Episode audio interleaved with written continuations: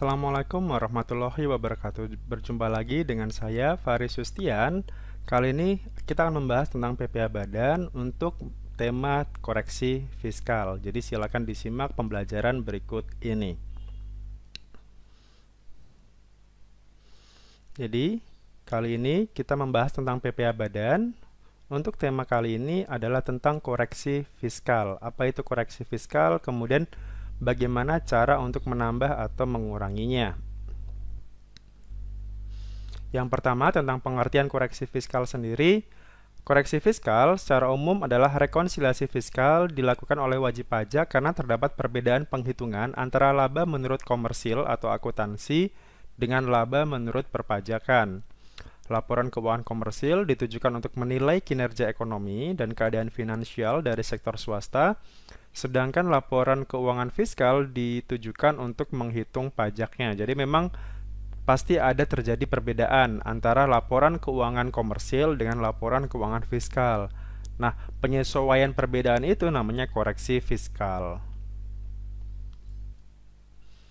Untuk koreksi fiskal sendiri itu ada perbedaan, ada yang sifatnya beda tetap atau permanent difference dan atau yang sifatnya beda waktu atau timing difference. Jadi di sini koreksi fiskal sendiri ada yang pasti berbeda antara koreksi antara komersil dengan yang fiskal, ada juga yang memang dibedakan hanya waktunya saja. Kira-kira perbedaannya mungkin ini sudah dikenakan tapi yang di fiskalnya belum misalkan. Seperti itu. Jadi perbedaan laporan keuangan komersil dengan laporan keuangan fiskal berdasarkan pembe pembebanannya itu ada dua tadi, beda tetap dan beda waktu.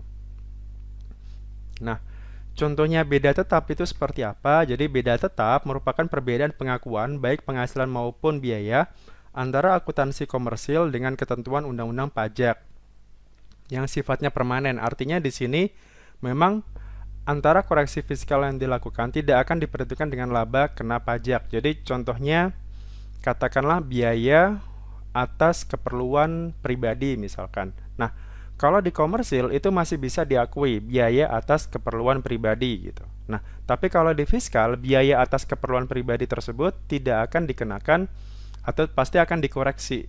Jadi biaya itu pasti tidak bisa jadi beban atau atau tidak boleh jadi pengurang. Contoh lainnya dari sisi penghasilan, katakanlah penghasilan dari bunga deposito.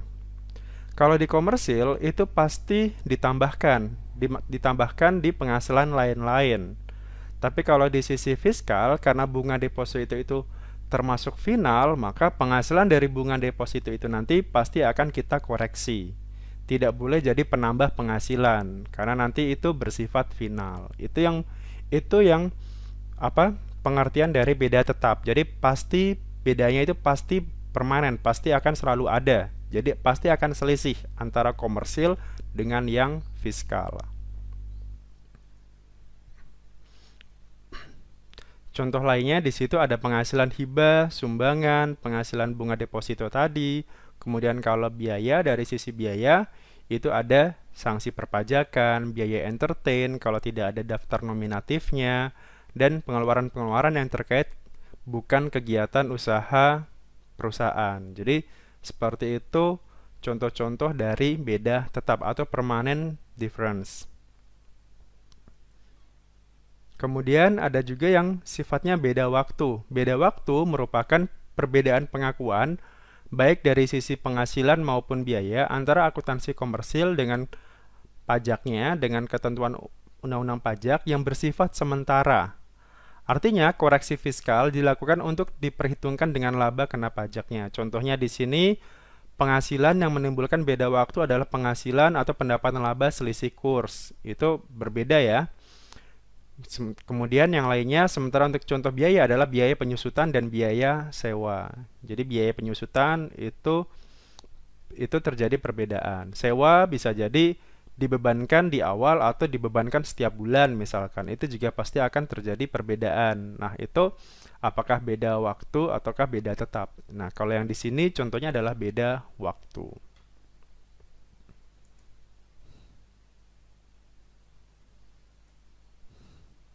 Nah, kemudian koreksi fiskal itu ada yang bersifat positif, ada yang bersifat negatif. positif itu koreksi positif itu artinya adalah tujuan dari koreksi positif adalah menambah laba komersil atau laba penghasilan kena pajaknya. Jadi koreksi positif akan menambahkan pendapatan dan mengurangi atau mengeluarkan biaya-biaya yang sekiranya harus diakui secara fiskal. Jadi intinya adalah kalau koreksi positif dia akan menambah pendapatan atau dia harus mengurangi biaya. Jadi pendapatannya diakui, kemudian kalau biaya-biayanya kalau dikoreksi itu berarti biayanya itu ada yang sebagian dihapus. Tadi contohnya ada biaya sanksi misalkan, itu pasti dihapus. Nah, itu berarti kalau biayanya turun, artinya dia koreksi positif. Sementara kebalikannya, kalau koreksi negatif, itu contohnya tadi ya tujuan dari koreksi negatif adalah mengurangi laba komersil atau laba penghasilan kena pajak. Hal ini disebabkan oleh pendapatan komersil yang ternyata lebih tinggi daripada pendapatan fiskal, atau sebaliknya biaya-biayanya komersil itu ternyata lebih kecil daripada biaya-biaya fiskal. Jadi kalau koreksi negatif itu pendapatannya awalnya pendapatan komersilnya di atas, tapi setelah kita koreksi fiskal ternyata pendapatannya jadi turun. Atau kebalikannya, katakanlah biaya fiskalnya itu tinggi, maaf, biaya komersilnya tinggi, setelah kita koreksi fiskal ternyata biayanya malah jadi apa? turun. Maaf, malah biayanya jadi naik kalau di fiskal. Contohnya untuk koreksi negatif itu misal kayak tadi pendapatan bunga deposito. Awalnya pendapatan bunga deposito di komersil itu diakui, tapi ternyata setelah di fiskal malah tidak diakui, jadi pendapatannya malah turun. Jadi sederhananya positif itu akan menambah pendapatan, kalau negatif itu akan mengurangi pendapatan. Kalau dari sisi biaya berarti kalau koreksi positif biayanya jadi turun, dikoreksi jadi turun di fiskalnya.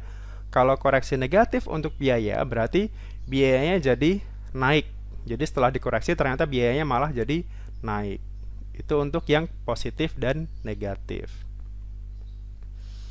Nah, sekarang contoh-contoh untuk koreksi fiskal positif apa saja? Contohnya nomor satu, biaya yang dibebankan atau dikeluarkan untuk kepentingan pribadi wajib pajak atau orang yang menjadi tanggungannya. Ini tidak boleh jadi biaya, jadi harus dikoreksi. Istilahnya adalah duduk kalau di sini adalah non deductible expense. Jadi harus biaya-biaya ini harus dicoret, tidak boleh dibebankan sebagai biaya. Kemudian ada dana cadangan. Kemudian nomor tiga, penggantian atau imbalan sehubungan dengan pekerjaan atau jasa yang diberikan dalam bentuk natura atau fasilitas atau kenikmatan. Jadi bukan berupa bentuk uang.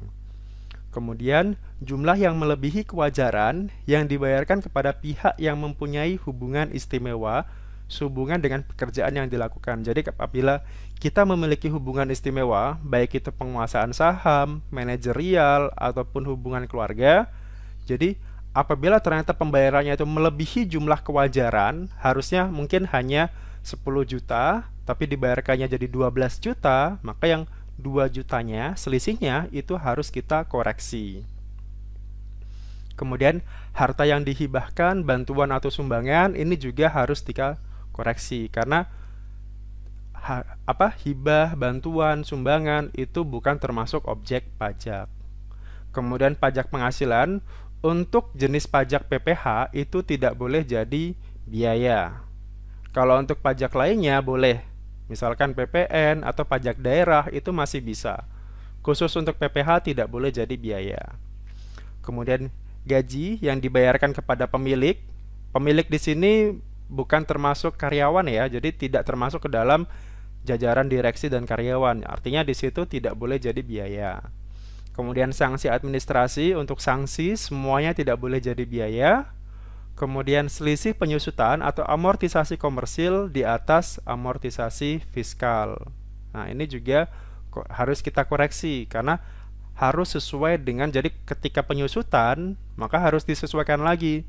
Yang dipakai adalah penyesuaian atau penyusutan menurut fiskal.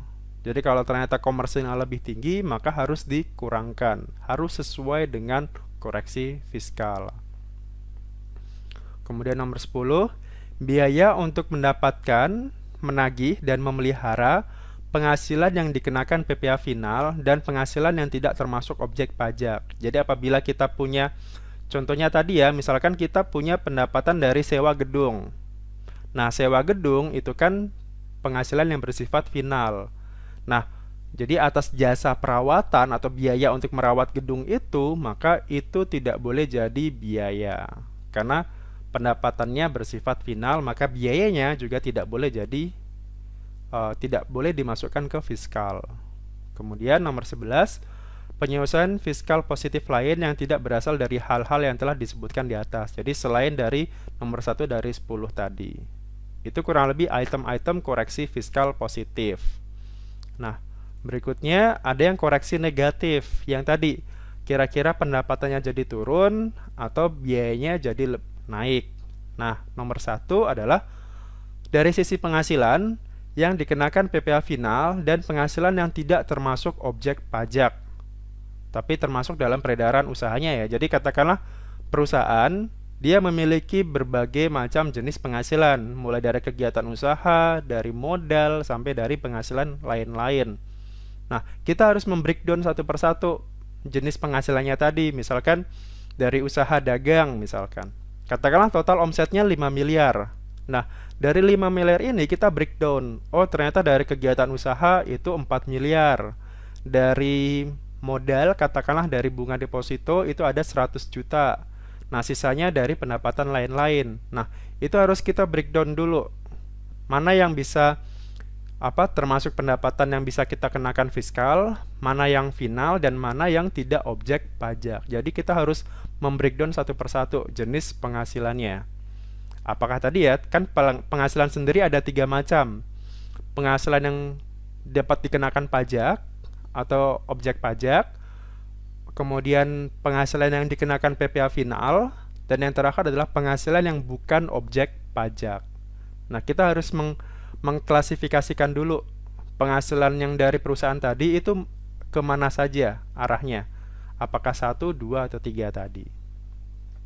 Kemudian nomor dua, selisih penyusutan atau amortisasi komersil di bawah penyusutan amortisasi fiskal. Nah ini juga kebalikan tadi ya, ternyata fiskal itu lebih tinggi daripada komersilnya. Nah berarti penyesuaiannya jadi negatif karena ternyata biayanya, biaya penyusutannya jadi lebih tinggi. Kemudian yang terakhir nomor tiga penyelesaian fiskal negatif lain yang tidak berasal dari hal-hal yang telah disebutkan di atas. Artinya selain dari nomor satu dan nomor dua yang mungkin ada aturan khusus atau aturan tersendiri nanti. Kurang lebih seperti itu untuk yang koreksi fiskal negatif. Semoga pembelajaran ini berguna bagi Anda. Mohon maaf kalau ada kekurangan. Terima kasih atas waktunya. Sampai jumpa di pertemuan berikutnya. Assalamualaikum warahmatullahi wabarakatuh.